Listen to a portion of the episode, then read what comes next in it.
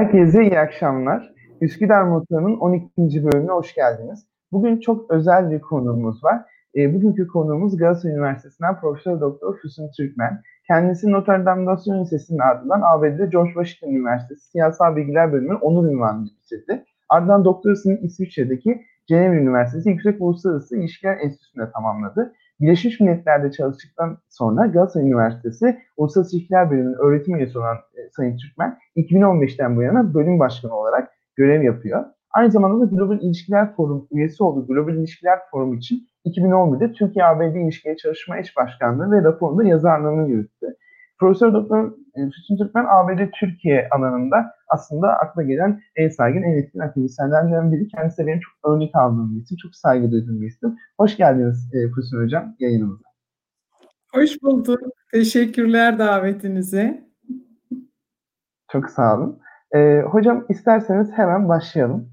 E, bu 6 Ocak'taki kongre baskının ardından aslında Türkiye'de şu çok konuşuldu. Acaba Amerika'da demokrasi öldü mü yorumu çok yapıldı. Bir grup e, yorumcu dedi ki bu olaylar aslında Amerika'da demokrasinin öldüğünü gösteriyor. Bir grup yorumcu da aslında her şeye rağmen bağımsız yargının ve kurumların işlediği için Trump'ın başkan e, sonuçlarını tanımamasına rağmen Biden'ın göreve gelmesinin Amerikan demokrasi ve kurumlarının verdiği bir sınav olarak gördüler. Sizce Amerika'da demokrasi öldü mü? Amerika'da demokrasi öldü demek tabii Amerikan demokrasisinin iyi tanınmadığının bir göstergesidir. Bunu peşinen belirtelim. Bir kere genel kural olarak gerçek demokrasiler yani liberal demokrasiler yara alabilir, muharebeleri kaybedebilir fakat savaşı hiçbir zaman kaybetmezler. Bu genel kuraldır.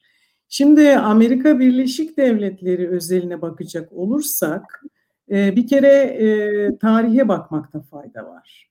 Ee, Amerika Birleşik Devletleri'nde demokrasi birçok badireden geçmiştir. İç savaştan başlamak üzere değil mi? Köleliğin yenilmesine, e, kaldırılmasına yol açan iç savaş olsun, modern çağda McCarthyizm olsun, e, Vietnam Savaşı olsun, 1960'ların siyasi suikastı suikastları ve sivil haklar hareketi olsun, Watergate skandalı olsun.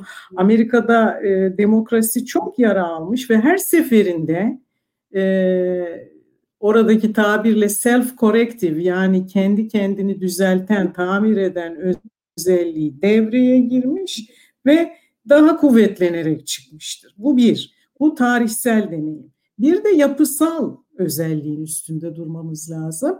Orada e, checks and balances dediğimiz e, denetleme, frenleme, dengeleme sistemi e, çok iyi işlediğini son e, örnekte de kendini gösterdi. Her ne kadar adı başkanlık sistemi dahi olsa Amerikan sisteminde bildiğiniz gibi yasama, yürütme ve yargı erklerinin hiçbiri diğerinin üzerinde tam bir üstünlüğe sahip değildir. Hepsi birbirini dengeler ve denetler. Ee, bunu Trump özelinde de gördük nitekim. Sadece son iki aylık can çekişmesini e, kastetmiyorum fakat bütün e, yönetim boyunca da e, dengeleme, denetleme sistemi yürüdü ve Trump'ın birçok kararı ya kongreden döndü ya yargıdan döndü, bazılarını geçirebildi. Hele son iki ay içinde o seçim sonuçlarına direniş döneminde e, hakikaten bu sistem e, çok iyi bir performans gösterdi. E, eyalet mahkemelerinde açtığı 62 dava mahkemelerden döndü ki bu e, mahkemelerin çoğundaki yargıçlar cumhuriyetçi ve bir kısmı kendisi tarafından tayin edilmişti. Burada parantez tabii yargının bağımsızlığıdır. Onun altını çizmek lazım.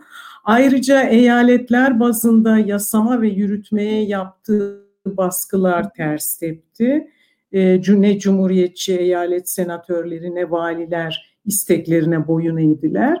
En son darbeyi de kendi başkan yardımcısı Mike Pence'ten 6 Ocak'ta yedi. Bütün ümitlerini bağladığı 6 Ocak e, seçiciler kurulu oy sayımında e, bunu Pence'in ters çevirebileceğini veya önleyebileceğini zannederek bunu da bilgisizliğine atfediyorum e, ondan medet umdu. Pence bunu yapamayacağını söyledi ve nitekim anayasaya uyarak e, bu ümidini de yerle bir etti. Yani e, kısacası gerek tarihsel deneyimi gerek yapısı dolayısıyla Amerikan demokrasisinin öldüğünü söylemek imkansız. Lakin 6 Ocak konusunda e, bir uyarı niteliği olduğunu da düşünmemiz lazım. E, 6 Ocak'ta e, kongrenin üzerine salınan e, o kalabalığın içinde kimler vardı? Kimler yoktu ki? Muhafazakarlar, evangelistler, Nazi sempatizanları, beyaz üstünlükçüler, ırkçı Hristiyanlar, savaş gazileri, hatta aktif görevde bir takım subaylar, e, çok karışık bir gruptu. Şimdi bu grubun ileride ne şekilde e, hareket edeceği, nasıl organize olacağı veya edileceği e, tabii soru işaretleri taşıyor. Özellikle silahlanma e, kapasitelerini de düşünecek olursanız. E, CIA'nin e, bir incelemesi var kalkışmalar konusunda. Kalkışma konusunu dört aşamaya ayırıyor. E, kalkışma öncesi, bunun gelişimi, açık kalkışma ve bunun sonuçlanması olarak. Ve birçok kaynak bu olanı 6 Ocak kalkışma öncesi olarak nitelendiriyor. O bakımdan tabii bununla ilgili e, gerek devletin gerek sivil toplumun tetikte olması e, ve bunu yabana atmaması lazım. Çünkü emsali görülmemiş bir e, örnek olay oldu. E, peki ne yapacaksınız? Ne yapmak gerekir? Tabii demir yumruk yöntemi hiçbir zaman çözümleyici bir yöntem değildir. Bu harekete insanları sevk eden sebeplerin köküne inmek, uzun vadeli çözümler aramak. Ee, burada Biden'ın birleştirici zihniyet ve söyleminin çok rolü olacaktır. Toplumdaki kutuplaşmanın giderilmesi için formüller aramak. Ee, sosyal medyayı izlemeye devam etmek. Çünkü bu grupların özellikle kullandığı bir takım sistemler var. Mesela Telegram bunlardan biri e, en çok onu kullandıkları tespit edilmiş durumda. E, bunları izlemek, ona göre karşı mesajları sosyal medyaya dengeleyici, e, ılımlı mesajları e, iletmek. Yani çok yönlü bir e, bir paketi lazım. Çünkü demokrasi ölmedi ama 6 Ocak bir uyarıydı. E, hocam hemen akabinde bu 6 Ocak'ta Trump'ın rolüyle ilgili aslında demokratlar bir azil süreci başlattılar. E, Trump görevi bıraktı ama 1976 Savaş Bakanı Ben Trump'ın örneğinde olduğu gibi azil davası görevi bıraktıktan sonra da devam ediyor ve anayasaya göre bir federal ofise aday olmama cezası da verilebilir eğer 17 tane cumhuriyetçi destek verirse. Sizin öngörünüz aslında Trump'a e, bu cumhuriyetçiler Trump'ın aleyhine oy kullanacaklar mı ve Trump'a bu azil davası sonucundaki iki hafta sonra başlayacak bir yaptırım gelecek mi? Sizin öngörünüz Cumhuriyetçi Parti senatörleriyle Trump arasındaki bu dava sizce nasıl gelişecek? Tabii şu anda Cumhuriyetçilerin çok sancılı bir e, süreçten geçtiği kesin. Çünkü e, bir yandan da çok destekleyen var. Şimdi tabii önce bu desteğin nedenine bakmak lazım. Genel olarak arkasında durdular. Ee, genel olarak diyorum. Tabii çok önemli isimler karşı çıktı. Bu müteveffa McCain de bunların başında geliyordu zaten. E, fakat e, bu ıı, desteğin arkasında ne var? Bunun iki nedeni var. Biri Amerikan seçim sistemi yani koltuk kaygısı, ikincisi de Trumpizm gerçeği. Amerikan seçim sistemi derken e, cumhuriyetçilerin, destekleyen cumhuriyetçilerin e, çoğunun tabii kongrede olduğunun altını çizmek lazım. Onların desteği önemli şu aşamada azil söz konusu olduğu için. E, biliyorsunuz Temsilciler Meclisi her iki yılda bir yenileniyor. Senato'nun üçte biri her iki yılda bir belirlenmek üzere senatörlerin 6 yıllık dönemlerine dayalı yani aşamalı bir seçim takvimiyle ilerliyor. Yani iki yılda bir kongreyi seçim sürecine sokan bir durum var. Ve Amerika'da e, kongresmenler, kongre üyeleri ister temsilci ister senatör olsun e, temsil ettikleri bölge veya eyaletlere e, eyaletlerden hiç kopuk değildirler. Yani hiç tanımadığı veya tanınmadığı yere gidip kendini seçtirip sonra arazi olmazlar. Zaten buna yasa e, izin vermez. Temsilciler Meclisi'ne seçilmek için seçim bölgesinde en az 7 yıldır ikamet ediyor olmak lazım. E, senatör olmak için de e, o eyalette en az 9 yıldır muhkim olmak lazım. Yani oranın hakikaten bir parçası olmanız lazım. Bunun karşılığında da kongreye gittikleri zaman hakikaten arkalarındaki seçmen, yerel seçmen kitlesini temsil ederler. Bütün isteklerini, bütün taleplerini her zaman alırlar ve iletirler ki o e, çerçevede yasalar çıksın. Bir sembiyoz halindedir kongre üyeleri ve seçmenleri. Şimdi bu evdeki yani eyaletteki, bölgedeki seçmenlerin çoğunun Trump'a oy verdiğini düşünürseniz onları kızdırmaları koltuklarına mal olacaktır. Onların korkusu bu. Cumhuriyetçilerin birincil e, destek nedeni belki e, çoğu Trump'ın ideolojisine e, çok itibar etmiyor fakat koltuk kaygısı. İkincisi bir de Trumpizm gerçeği var.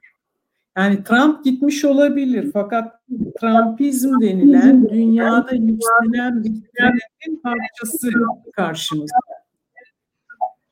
Ee, bu da varlığını bir süre sürdürecek gibi görünüyor. Peki Trumpizm nedir diyeceksiniz. Tabii bu bir magma.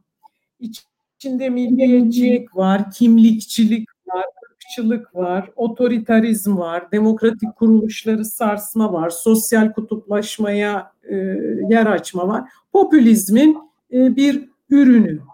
E, ve bu e, tabii ne kadar özgür toplumları nereye kadar bu manipüle eder bilemiyoruz. Ama şu anda bir rüzgarı arkasına almış durumdaydı seçimlere kadar. Ee, burada da cumhuriyetçiler ikiye ayrılıyor. Trumpizme e, baktığınız zaman bir kere bir partiden ve bu e, dalgadan uzaklaşanlar var, azınlıktalar. Daha büyük grupta da bir ikiye ayrılma var. Bir kısmı daha oportunist diyebileceğim kısım e, yasalardan ve anayasanın kör noktalarından faydalanarak sistemin içinde hareket ederek e, Trumpizmi destekliyor. E, oradan buradan işte bir takım e, formüller bulmaya çalışarak bir kısmı da açıkça isyan yanlısı. Ve 6 Ocak'ta bunların arasında bir kırmızı çizgi çizildi. Aralarında bir uçurum açıldı. E, şimdi tabii bundan sonrası ne olacak? Cumhuriyetçi Parti Trump'ın rehinesi olmaya devam edecek mi? E, koltuk kaygısı iki sene sürer, dört sene sürer. Fakat benim öngörüm bir kere her şeyden önce Cumhuriyetçi Parti'nin bir e, krizden ve bir e, kimlik e, probleminden geçeceği. Zaten o kimlik problemi Soğuk Savaş'ın bitiminden beri var. Soğuk Savaş'ın bitimine kadar komünizmle mücadele muhafazakar bir biçimde Cumhuriyetçi Parti'nin varlık nedeniydi. Ondan sonra zaten Cumhuriyetçi Parti yalpalamaya başladı. Ve bunu bu Bush zaman, oğul Bush zamanında da gördük. Irak Savaşı sırasında da gördük. Evangelistlerin giderek partiye hakim olmalarında da gördük. Yani bir e, yön kaybı var Cumhuriyetçilerde ki Trump'la artık ayyuka çıktı. Tahmin ediyorum bir yeniden doğuşa ihtiyaçları var ve bu süreci yaşayacaklar. E, hemen burada şunu sormak istiyorum hocam. Bu geç, geçtiğimiz haftalarda Trump'ın Wall Street Journal'da bir kulis haberinde yakın çevresine Vatansever Parti kurmayı düşündüğü ve Cumhuriyetçi Parti'nin içinde veya dışında bir alternatif parti oluşturabileceği söylendi. Böyle bir durumda sizce ne olur hem Cumhuriyetçi Parti hem de ABD'deki fiili ikili e, parti sistemi? Tabii Cumhuriyetçi Parti'nin yapabileceği en büyük hizmettir, partiyi kurtarır. Great Old Party, GOP yine kendine döner. E, Trump'ın rehinesi olmaktan kurtulur. Saygınlığını bir miktar geri kazanır tabii bazı üyelerinden e, arınmak suretiyle. E, ve Trump kendini böyle bir parti kurarsa e, marjinal, folklorik, e, biraz tehlikeli, biraz gülünç bir gruba mahkum eder. Amerikan sistemi de temelinde iki partili bir sistem olduğu için bunu böyle bir köşede e, muhafaza eder ve debelenip gider. E, yani yapabileceği en büyük iyiliktir Cumhuriyetçi Parti'ye ayrı bir parti kurmak. E, Biden'a düşünüyorum. Çok sağ olun hocam. Biden'a geçmek istiyorum. Sizce Biden nasıl kazandı? E, sizin bu konudaki görüşünüz nedir? Seçilmesini sağlayan en önemli parametreler neydi? Tabii. Ee, tabii Biden'ın temel e, seçilme faktörü Trump'tır. Çünkü Biden her ne kadar çok erdemli ve e, yetkin ve e, saygın, deneyimli bir politikacı olursa olsun kitleleri arkasından sürükleyecek bir e, aday değildi. Nitekim bunu ön seçim sürecinde primary'lerde gördük. Demokrat aday adaylarının çokluğu ve aralarındaki kıyasıya mücadele Biden'ın olayı hemen baştan e, hakimiyeti altına almadığını gösterdi. Adım adım oraya geldi. E, demek ki e, o kitleler Biden'ın peşinden değil, e, Trump'ın arkasından kovaladılar. Yani Trump'ın gitmesini isteyen herkes Biden'a oy verdi ki bunun içinde e, Cumhuriyetçi muhaf e, ılımlılar da e, mevcut yahut e, bağımsızlar da mevcut. Çünkü baktığınızda aslında e, tek dönemlik başkanlık azdır Amerikan sisteminde. Genelde iki dönem arka arkaya ondan sonra siyasi sarkaç öbür partiye doğru savrulur. İki dönem demokrat, iki dönem cumhuriyetçi şeklinde dönüşümlü gider. Bunun bir iki istisnası var geçmişte. Ee, bir tanesi Jimmy Carter 76-80 birçok şanssızlığın kurbanı oldu. İran devrimi, rehine krizi, petrol krizi, Afganistan'ın işgali verdiği zayıf başkan profili e, kaybetmesine neden oldu. E, bir de Baba Bush. E, o başarılıydı aslında fakat o da iki Cumhuriyetçi Reagan döneminden sonra üçüncü Cumhuriyetçi dönem olarak geldi. Başkan yardımcısıydı. Soğuk Savaş'ın sonuna rast geldi. Ekonomiye yeteri derecede eğilmedi. Oradan da gitti ve fakat yine de üç cumhuriyetçi iktidar yaşandı arka arkaya. E, bunlar istisnalar yoksa genelde iki tabii Trump istisnası tamamen farklı etkenlere dayanıyor. E, Trump e, gerçek bir fiyaskonun ürünü olarak tek dönemlik başkanlar e, kategorisine girdi. Ama evet. tabii Biden'ı seçtiren şey her şeyden önce Trump'tır. Demokrat adayları, aday adaylarının içinden bakacak olursanız e, oradaki avantajı da tabii öne çıkıyor. E, ılımlı olması biliyorsunuz hem Cumhuriyetçi Parti'nin hem Demokrat Parti'nin geleneksel olarak üç kanadı vardır. Ilımlı, muhafazakar ve ilerici. Bu her iki parti için de geçerlidir. Joe Biden baştan beri e, ılımlı kanattan olduğu için e, partinin hem ilerici hem muhafazakar taraflarından e, seçmen çekebildi e, aşırıya kaçan adayların e, elenmesini kolaylaştırdı Bernie Sanders gibi insanları korkutan adayların e, elenmesini sağladı. Hatta Trump'a tepkili ılımlı cumhuriyetçileri de kendi tarafına çekebildi. E, bu tabii Demokrat Parti çerçevesi içinden baktığınızda neden öne çıktığını gösteriyor. E, daha demin aslında bir cümlenizde belirtmiştiniz. E, Trump'ın e, etkisinin seçilmesinin dünyada 2016'da bir etki yarattığını, şu anda aslında iki farklı hikaye var. Trump'ın seçim sonuçlarını tanımaması, bir popülist liderin seçim sonuçlarını tanımaması ve aslında sizin bahsettiğiniz gibi Biden'ın çok farklı kesimlerin oyunu alarak bir popülist lideri yenip göreve başlaması. Sizce 2020 yılında yaşananlar dünyadaki popülist liderleri nasıl etkileyecek? Biden'ın hikayesi yoksa Trump'ın seçim sonuçlarını reddetmesi mi daha çok insanı etkileyecek? Bu konudaki fikrinizi merak ediyorum. Tabii kitleler zafer sever. O bakımdan Biden'ın hikayesi öne çıkacaktır. Tüm direnişine rağmen Trump yenildi. Burası bir gerçek. Bunun sonuç vermediğini gördüler.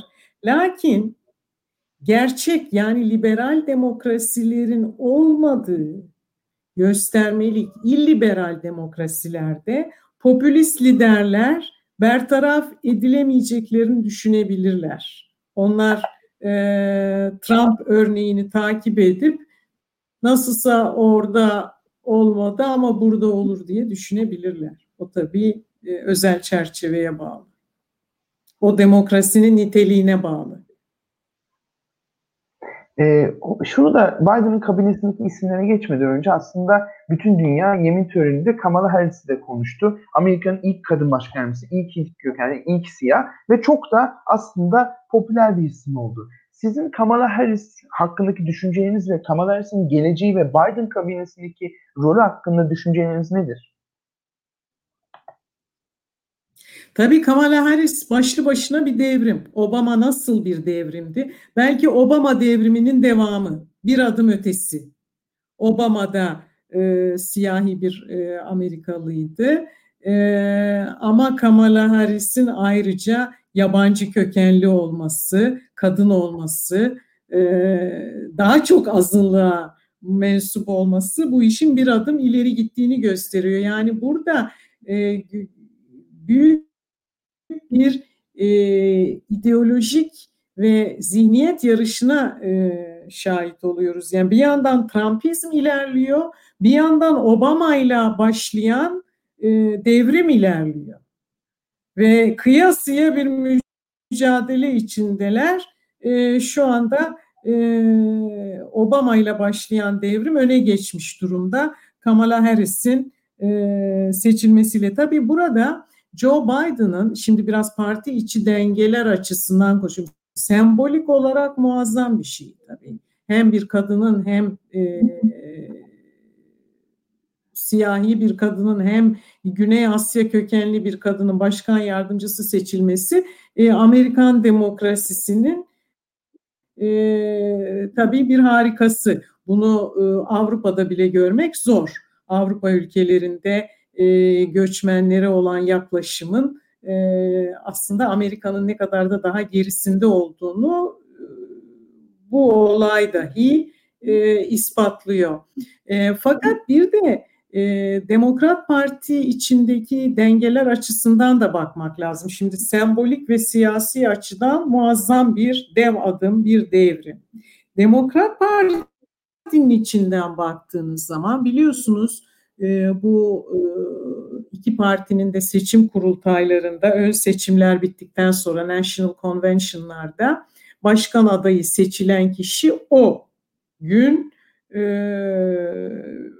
başkan yardımcısı adayını da açıklar.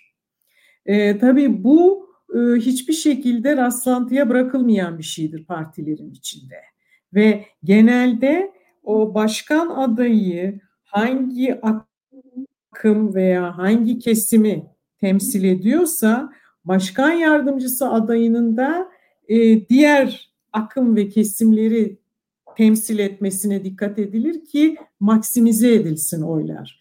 Kendisi ılımlı e, akımdaysa işte Kamala Harris gibi ilerici kanattan birini seçer. Kendisi erkekse kadın, kendisi beyazsa renkli. Böylelikle bu e, seçmen kitlesinin maksimizasyonunu sağlar.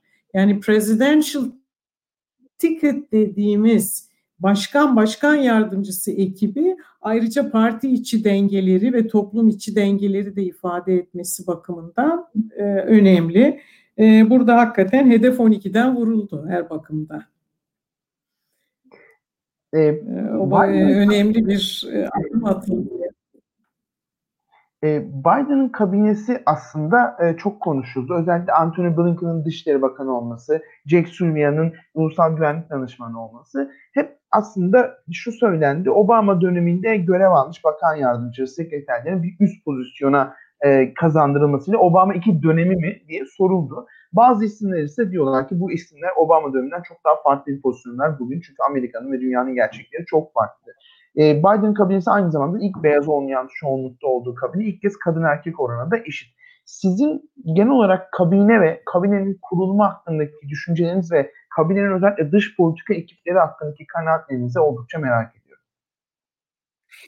Şimdi e, tabii burada e, deneyim ve Demokrat Parti'deki devamlılık e, öne çıkıyor.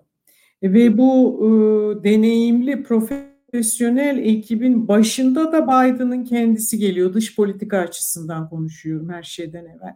Biliyorsunuz Amerika'da başkanlar dış politika konusunda oldukça kısıtlı bilgiye sahiptir. Çünkü e, çoğu valilikten ve yerel politikadan gelir. Washington deneyimleri yoktur, dış dünyaya kapalıdırlar. Dolayısıyla da e, danışman bağımlısıdırlar. Genel kural böyledir. E, yani Biden kadar dış politika konusunda deneyimli bir tek Baba Bush vardı. Sanırım e, Biden'ın deneyimi onu da geçiyor. 40 yıl kongre üyeliği var. Senato Dış İlişkiler Komitesi Başkanlığı var, 8 yıl başkan yardımcılığı var ve bu sürede de Obama kendisini biraz uluslararası bir diplomat olarak kullandı. Yani bütün dünyayı kat etti, bütün liderleri tanıyor, bütün bölgesel sorunları biliyor. Bir kere her şeyden önce Biden duruma hakim. Biden e, kabinesinin veya danışmanlarının manipülasyonuna e, maruz kalacak bir başkan olmayacaktır. Orası kesin. Onların neden bahsettiğini o herkesten evvel biliyor. E, bu çok önemli. E, ikincisi dış e, politika konusundaki e, atamalar e, yani hepsi Obama döneminden değil, çoğu Clinton döneminden geliyorlar. E, yani aslında mühim olan Demokrat Parti çerçevesi içinde e, yer almış kişiler, Obama'nın adamı şeklinde bakmamak lazım. E, mesela Anthony Blinken e, Clinton'ın nutuk yazarıydı, öyle başladı. E, efendim e, Biden'ın Senato Dış İlişkiler Komitesi'nde yardımcısıydı. E, yardımcısı vekili Wendy Sherman, o da Clinton'ın Dışişleri Bakanlığı Kongre Liaison şefiydi. Şimdi Madeleine Albright'ın siyasi danışmanlık e, grubunda çalışıyordu. Madeleine Albright biliyorsunuz Demokratların eski Dışişleri Bakanı. E, ayrıca e, Strobe Talbot'la beraber çalıştı ki o da Clinton dönemindendir. Yani e, çoğu Clinton döneminden, e, Obama döneminden değil. E, Jake Sullivan'la yardımcısı John Finter sırasıyla Hillary Clinton ve John Kerry ile çalıştılar. İşin erbabı bir grup çoğu profesyonel kariyer diplomatı, e, ve e, konulara hakimler. Kaldı ki, kaldı ki e, dış politikanın ne kadar önemli olduğunu ve olacağını Biden yönetiminde göster gösteren belirtilerden biri de şuydu. E, aday Biden kampanya boyunca 20 çalışma grubuna ayırdığı bin kişilik bir uzman ekibiyle hazırlandı dış politika projesine. Onun için e, hem profesyonel diploma diplomatların, deneyimli diplomatların partinin güvenilir figürleri olarak orada oldukları fakat kariyer diplomatı olarak orada oldukları çok önemli. Ee, her konuyu sorunu bildikleri yani yanlış yönlendirilme, yanlış bilgi verilme, manipüle edilme, öğrenme geçirme gibi risklerin olmadığı çok profesyonel bir ekiple derhal iş başına geçecekler. E, o bakımdan yani Obama'dan e, da bir e, kaynak bazılarının Obama ile çalışmış olmasının da bu konuda hiçbir zararı yok. Ben e, birebir Obama dış politikası tekrar olacaktır demiyorum. Demin gayet doğru olarak vurguladığınız gibi konjonktür çok farklı. Obama'dan beri de köprünün altından çok sular aktı. Dünya konjonktürü çok farklı e, ve bazı konularda Obama döneminde Joe Biden'ın e, daha e, cesur, daha ileri çıkan, e, Obama'yı biraz fazla çekingen ve mütereddit bulan tavırları olduğunu biliyoruz. E, o bakımdan kendi dış politikasını gütecektir. Hem kendi e, kapasitesi buna müsait hem de ekibi son derece profesyonel ve yetkin. Yani bir e, fiyasko veya bir e, bilgisizlik, e, büyük yanlışlar böyle bir risk görmüyorum. E, Biden'ın e, Türkiye açıklamaları özellikle ön seçim sürecinde çok konuşuldu. New York Times'e verdi ve Türkiye'de 6 ay gecikmeli bir şekilde gündem oldu.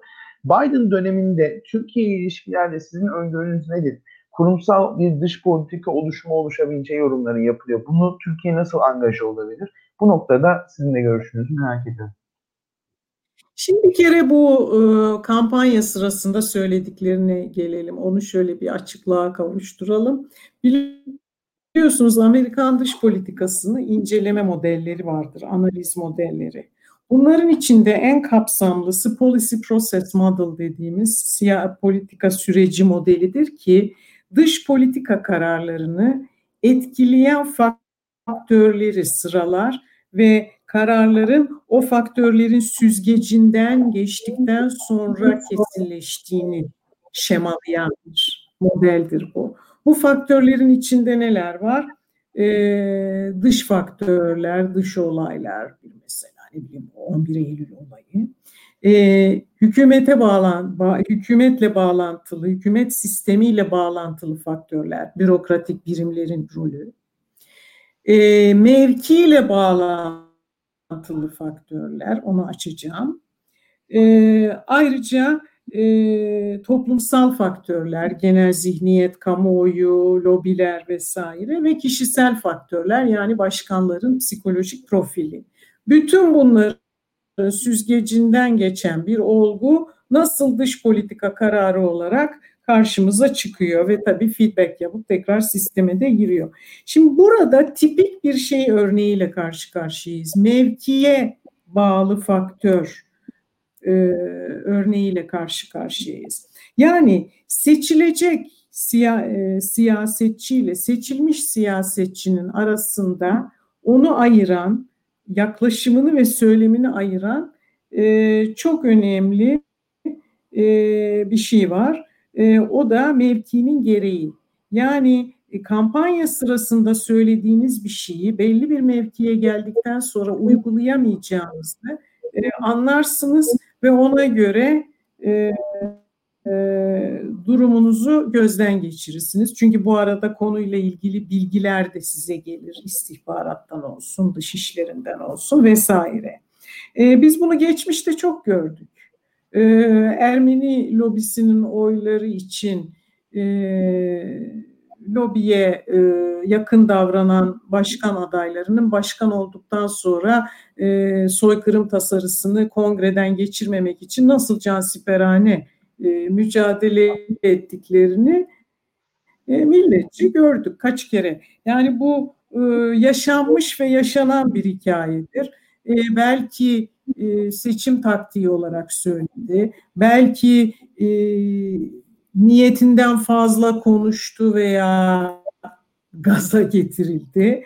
E, böyle şeylerin üzerinden e, bir bütün başkanlık dönemini ön yargıyla şimdiden e, algılamanın bence anlamı yok. Orada Sayın Süleyman Demirel'in dün dündür, bugün bugündür felsefesini uygulayıp yolumuza devam etmeli istiyorum. Ee, hocam peki bu Trump'ın kasa yaptırımlarının açıklaması ve Türkiye'nin S-400 alımlarının sürecine devam etmesi akabinde Biden döneminde bu konu başlıklarında sizce nasıl gelişmeler yaşanacak? Sizin bu yaptırımların kapsamının genişletilmesi veya kaldırılması ve bu Türkiye-Amerika arasındaki müzakereler konusundaki öngörünüz nedir acaba? Şimdi burada öngörüden çok bir e, temenni var. E, tabii yapılması gereken bu konuda bir anlaşmanın sağlanması.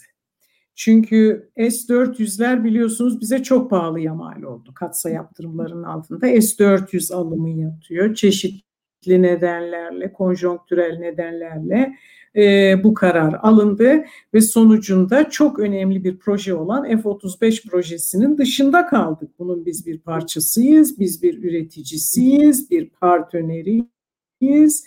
Bu bize ne sağlayacaktır? Bir kere 3 milyar dolara ancak yaklaşan e, savunma ihracatımızı senede kafadan 12 milyar dolara çıkaracaktı. Beşinci nesil uçak sahibi olacaktık. Düşünün ki şu anda Yunanistan ve Birleşik Arap Emirlikleri ki ikisiyle de problemimiz var. Onlar F-35 alıyor ve biz e, bir parçası olduğumuz F-35'in dışındayız ve dördüncü nesil uçağa düşmüş durumdayız. Beşinci nesil uçakların tabii teknolojik üstünlüğü tartışılmaz. Çünkü radarda görünmeyen uçaklar ve muazzam presizyon uçakları şu anda en ileri e, teknolojinin kullandığı, kullanıldığı uçaklar. Ayrıca bunun yan etkileri var. Savunma Sanayi Başkanlığı da bu yaptırım e, çerçevesine dahil edildiği için kurum olarak onun yaptığı ortak projeler de tehlikeye girmiş durumda. 600 proje tehlikeye girmiş durumda. Çünkü ABD şirketlerinin e, dahil olduğu projelere dahil olma hakkınızı da kaybediyorsunuz. Tamamen bir dışlanma. Yani yan etki de bu oluyor. Deniz kuvvetlerine de etkiliyor. Yani bu hava kuvvetlerinin kapasitesini azaltmanın dışında siz istediğiniz kadar yetkin pilotlarınız olsun. F-16 dördüncü nesil uçaktır. Bu kadar. Bir nesil geriye atıyorsunuz kendinizi. E, deniz kuvvetlerini de etkiliyor. Bu çünkü amfibi taarruz gemisinin mini uçak gemisi kapasitesinin dışında kalıyorsunuz. F-35B dışında onu uygulama imkanı yok. E, o bakımdan hakikaten çok zor bir durum. Tamam milli muharip uçağı projesi çıktı. E, bunu iki yıl, üç yıl filan deniyor ama uzmanlara bakacak yani benim anladığım bir konu değil. Fakat işin teknik uzmanlarına söyledi sorduğunuzda 2030-2040'tan önce bu e, gerçekleşmez diyorlar. Şimdi S-400'ler buna değer miydi? Soru işareti. Soruyu size soruyorum. O bakımdan Biden yönetimiyle e, gerçekten bu işin ele alınması lazım. Milli Savunma Bakanı Akar'ın geçen günkü açıklamasını ben çok önemsiyorum. E, yani F-35'leri geri dönmek istiyoruz. Patriot e, füze savunma sistemi dahi alabiliriz. S-400 sorunu zor olmakla birlikte demek yani her türlü müzakereye açığız demektir ki bu çok olumlu bir tavır. Ee, bunun devam etmesini temenni ediyorum. Bu müzakere tabii şunu da gerçekleri de görmek lazım. Katsa çerçevesinde kalmayacak çok kapsamlı bir müzakere olacaktır. Çünkü Türk-Amerikan ilişkileri son derece kırılgan bir zeminde ilerliyor bir süredir. Ee, Birçok şeyin ele alınıp açıklığa kavuşturulması lazım artık. Böyle Trump'ın e, kişisel e, dürtülerine e, bel bağlayarak Türk-Amerikan ilişkileri zaten götürülemez. Bunun sürdürülebilirliği yoktu. Fazla önemli ilişkiler. E, bir başkanın e, dürtülerine bağlanmak. Nitekim o çok güvenilen Trump gider ayak katsayı imzaladı ve gitti. Demek ki kişisel bazda götürülen politikalardan iyi sonuç e, alınamayacağı e, neticesinde buradan çıkarabiliriz. Daha sağlam bir zemine oturması lazım. E, Birçok sorunun karşılıklı, açık olarak sakin bir biçimde, ön yargısız, objektif ele alınması lazım ve netleştirilmesi lazım. Yani bu yaptırımı e, bir yerde kullanıp kapsamlı bir Türk-Amerikan ilişkileri müzakeresiyle e, daha e, yürütülebilir bir e, yola girmesi lazım bu ilişkilerin. diye düşünüyorum. Çok teşekkürler hocam. Ee, birazcık aslında Biden'ın dönemi Amerika'nın ve diğer ülkeler arasındaki ilişkileri dair sorularıma geçmek istiyorum izninizle. Ee, Biden'ın e, özellikle Brett McGurk gibi isimleri tekrardan yönetimine alması Amerika ve Suriye e, konusunda neler olacağı konusunda da düşünmemize bizi yönlendiriyor. Aynı zamanda da e, Biden'ın e, Abraham anlaşmalarını İsrail'in Körfez ülkeleriyle yaptığı anlaşmaları olumlu karşıladığına dair de açıklamalar yayınlandı. Bu ışıkta aslında Biden döneminde Suriye ve İsrail ilişkileri ne olacak? Genel olarak Orta Doğu politikaları aslında bakın, ne olacak? Bu işlere, bu işlere perakende bakılmaz. Bölge bölge, ülke ülke, Suriye'de ne yapacak, İsrail'de ne yapacak, Irak'ta ne yapacak diye başka hiçbir yere varamazsınız. Evvela genel resme bakacaksınız. Nasıl katsaya sadece şey edilmez, ikili ilişkilerin tümünü şöyle oturtmak lazım. Burada da Biden'ın dış politika hedeflerine bakmamız lazım evvela. Orada zaten taşlar yerine oturuyor. Bir takım hedefleri var. Bir takım öncelikleri var. Bunlar neler? Ee, oraya Orta Doğu'yu da oturtacağım zaten. Şimdi bir kere birinci sırada Atlantik blokuna geri dönüş geliyor. Ee, Batı ittifakını içten neredeyse yıkmaya yönelik bir Trump politikasından e, tamamen 180 derece uzaklaştık. Adeta geçen gün okuduğum bir metinde geçiyordu. Adeta romantik biçimde transatlantik blokuna bağlı bir e, Biden'ın yönetimine geçiyoruz. Bu iyi bir haber çünkü son dört yıldır gerek NATO gerek Avrupa Birliği güvenlik paniği içindeydiler ve Batı ittifakı, Atlantik ittifakı tehlike altındaydı. Bir kere buna bir dönüş var. Ee, Avrupa-Amerika ekseni tekrar yerine oturacak. Burada Almanya'da tabii e, yerini alacaktır. Merkel'le çok iyi ilişkileri olduğunu biliyoruz. Merkel gidici fakat partinin başına gelen de son derece ılımlı ve açık şahsiyet olduğu için ve Almanya-Amerika ilişkileri kişiler ötesi önemli bir ilişki olduğu için iki tarafta bunun bilincinde bir kere transatlantik bloku e, bu durumda. Ortak tehditlere karşı ortak politikalar üretilecek. Bu e, ikinci hedef. Yani buna siber de giriyor, teknoloji de giriyor, askeri tehditler de giriyor. İşte bu bağlamda mesela İran'la olan nükleer anlaşmanın tekrar masaya gelmesi e, söz konusu olabilir. Geçenlerde İran'dan bir öyle açıklama geldi. E, eğer Amerika anlaşmaya geri dönecek olursa biz de üzerimize düşeni yaparız şeklinde. Fakat tabii Biden seçildiği zaman da zehir zemberek bir e, tebrik değil adeta lanet mesajı yayınladılar. O işte biraz e,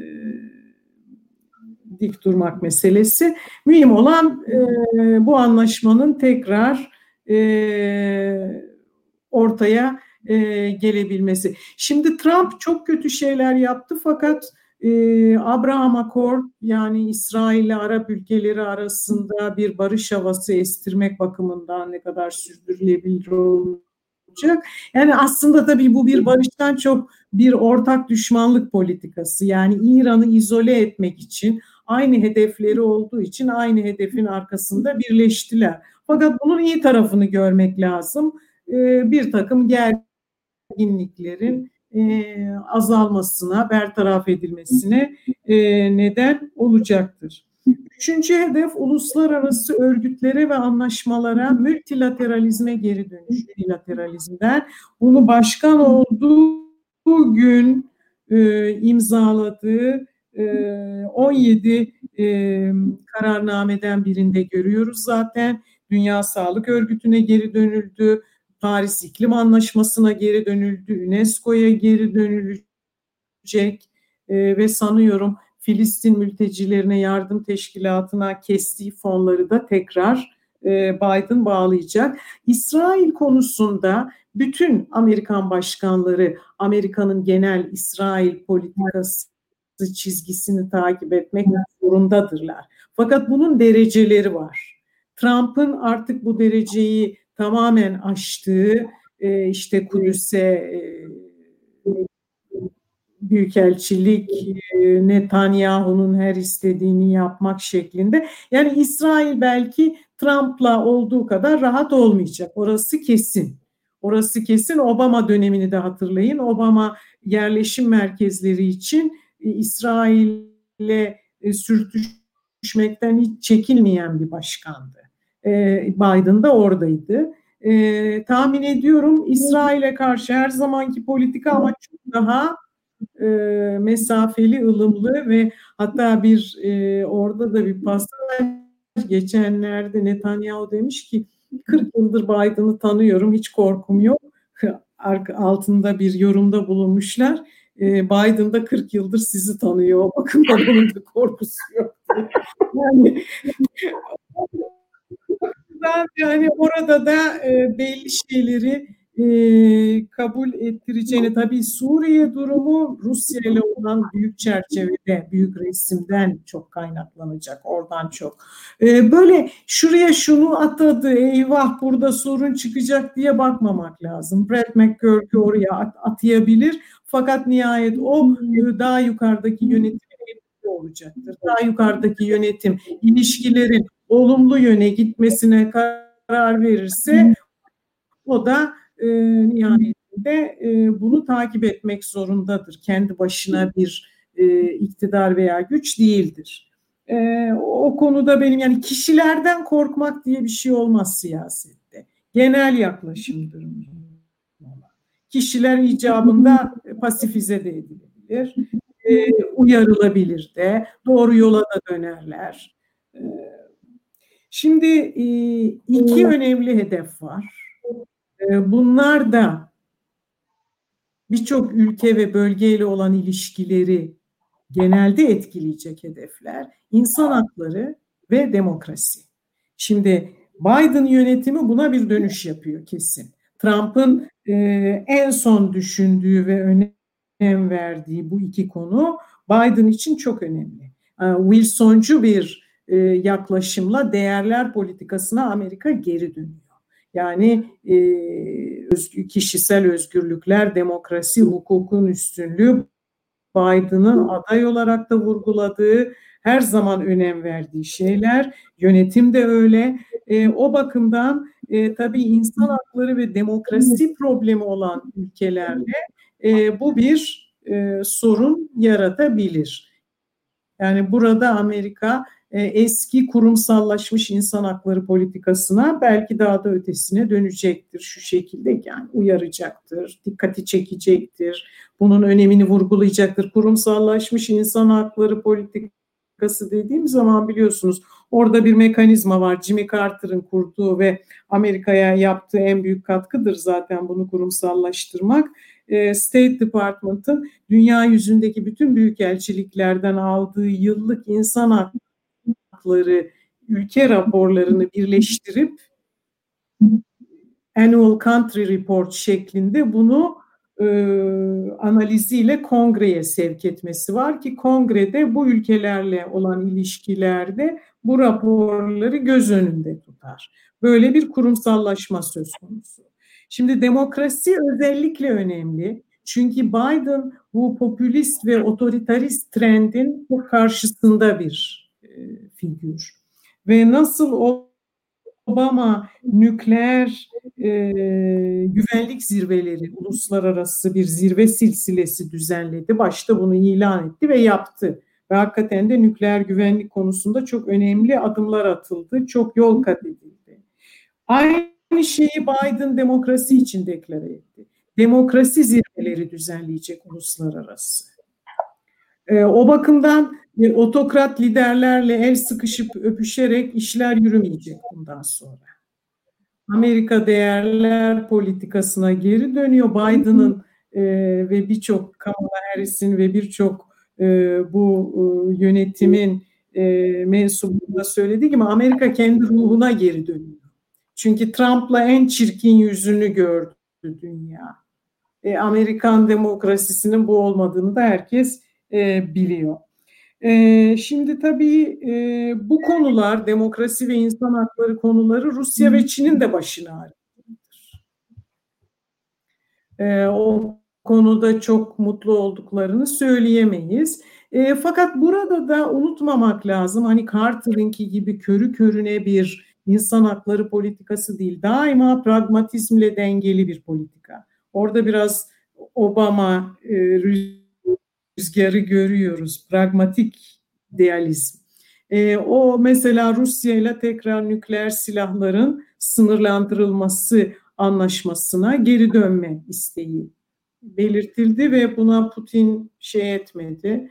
E, bilakis e, iyi karşılandı. Putin'in verdiği demeçler ılımlı şu anda. Yani orada bir ortak zemin arayışına gireceklerini düşünüyorum. Bir konfrontasyon politikası beklemiyorum. Çin'e gelince o daha ilginç. Çin'le ilgili değişik yorumlar var Amerikan basınında ve akademiyasında. E, Trump dönemine göre üslup yüzde yüz değişecek fakat içerik değişecek. E, içerik e, konusunda özellikle siyasi rekabet konusunda stratejik konuda e, rekabetin süreceği gibi bir izlenim var. Çünkü Çin'in enteresan şekilde bu son zamanlardaki bölgesel saldırganlığının artmış olması, işte Hindistan sınırı, Hong Kong'daki baskı rejiminin e, desteklenmesi, daha dün Tayvan'ın hava sahasına 13 savaş jeti soktu çıkardı. E, Vietnam'ın e, Vietnam'ı taciz ediyor Güney Çin denizinde. Enteresan şekilde sebebini açıklayamadığım şekilde bu Covid olayı ortaya çıktıktan sonra Çin'de bir bölgesel saldırganlık artışı oldu. E, bunu yani şey etmek biraz zor, yorumlamak biraz zor. E, belki ilgiyi başka yere çekmek e, amacıyla. Fakat bu konuda öngörülen şu, e, Biden yönetiminin tabii burada Trump'tan ayrılıyor ve çok önemli bu.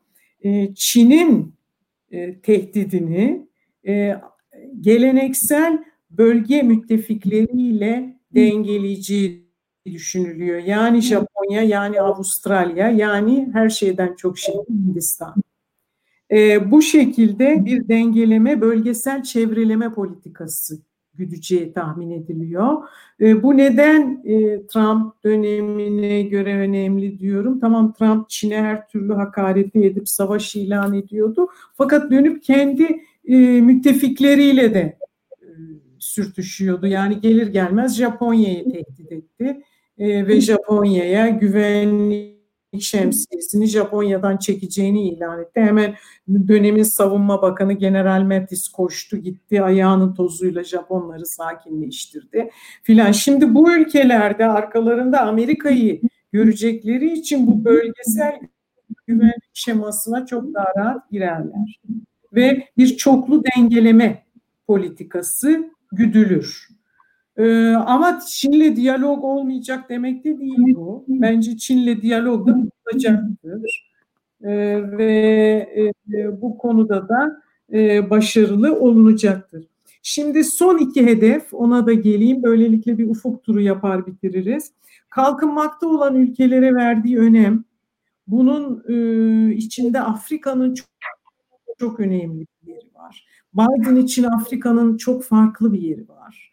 E, bu da Senato Dış İlişkiler Komisyonu üyesiyken başlamış bir ilişki. Çok sık Afrika'ya gitmiş, bölgenin kıtanın sorunlarını biliyor, insani yardım e, projelerine ve programlarına çok destek vermiş bir kişi, başkan yardımcısıyken de Trump'ın shithole, affedersiniz pislik çukuru ülkeler dediği ülkelere gönül vermiş bir başkan Biden. Ve bu bakımdan da çok önemli bir atama yaptı. Ee, Ulus, e, Amerikan Uluslararası Kalkınma Ajansı USAID'in başına çok yetkin birini Samantha Power'ı getirdi. Biliyorsunuz Samantha Power en son görevi Obama'nın Birleşmiş Milletler daimi temsilciliğiydi ama Harvard'lı bir akademisyen, insan hakları aktivistiydi, gazeteciydi, Bosna'da bulundu. Yani bir insan hakları figürüdür Samantha Power. Ve o da çok Afrika'ya gidip e, bağlantı kurmuş bir insandır. Bir de işin hoş tarafı ikisi de İrlanda kökenli. O bakımdan da bir anlaşma zeminleri var. Fakat Samantha Power gibi bir ismin USAID'in başına getirilmesi zaten kalkınmakta olan ülkelere verilen önemin en büyük göstergesi. Burada çok iyi bir puan şimdiden skor yaptı. En son olarak tabii küresel sorunlar var. E, bunun başında iklim değişikliği ve bilhassa pandemiyle mücadele geliyor. E, Trump'ın e, pandemi yönetimi tabii bir fiyaskoydu. Bunu Biden adayken de çok eleştirdi. Tabii bunun fiyasko olmasının bir nedeni pandemiye olan septik yaklaşımı, bunu ciddiye almayışı ve ekonomiye kısa vadeli üstünlük tanıması çünkü uzun vadede ekonomi gene gidiyor. E, ikinci nedeni de Obama'nın kurmuş olduğu pandemiyle mücadele biriminin Trump başa gelir gelmez. Halbuki bu birim sayesinde e, Ebola virüsü salgınını, pandemisini Amerika iki ölüyle atlattı. Bugün koronadan ölü sayısı 500 bin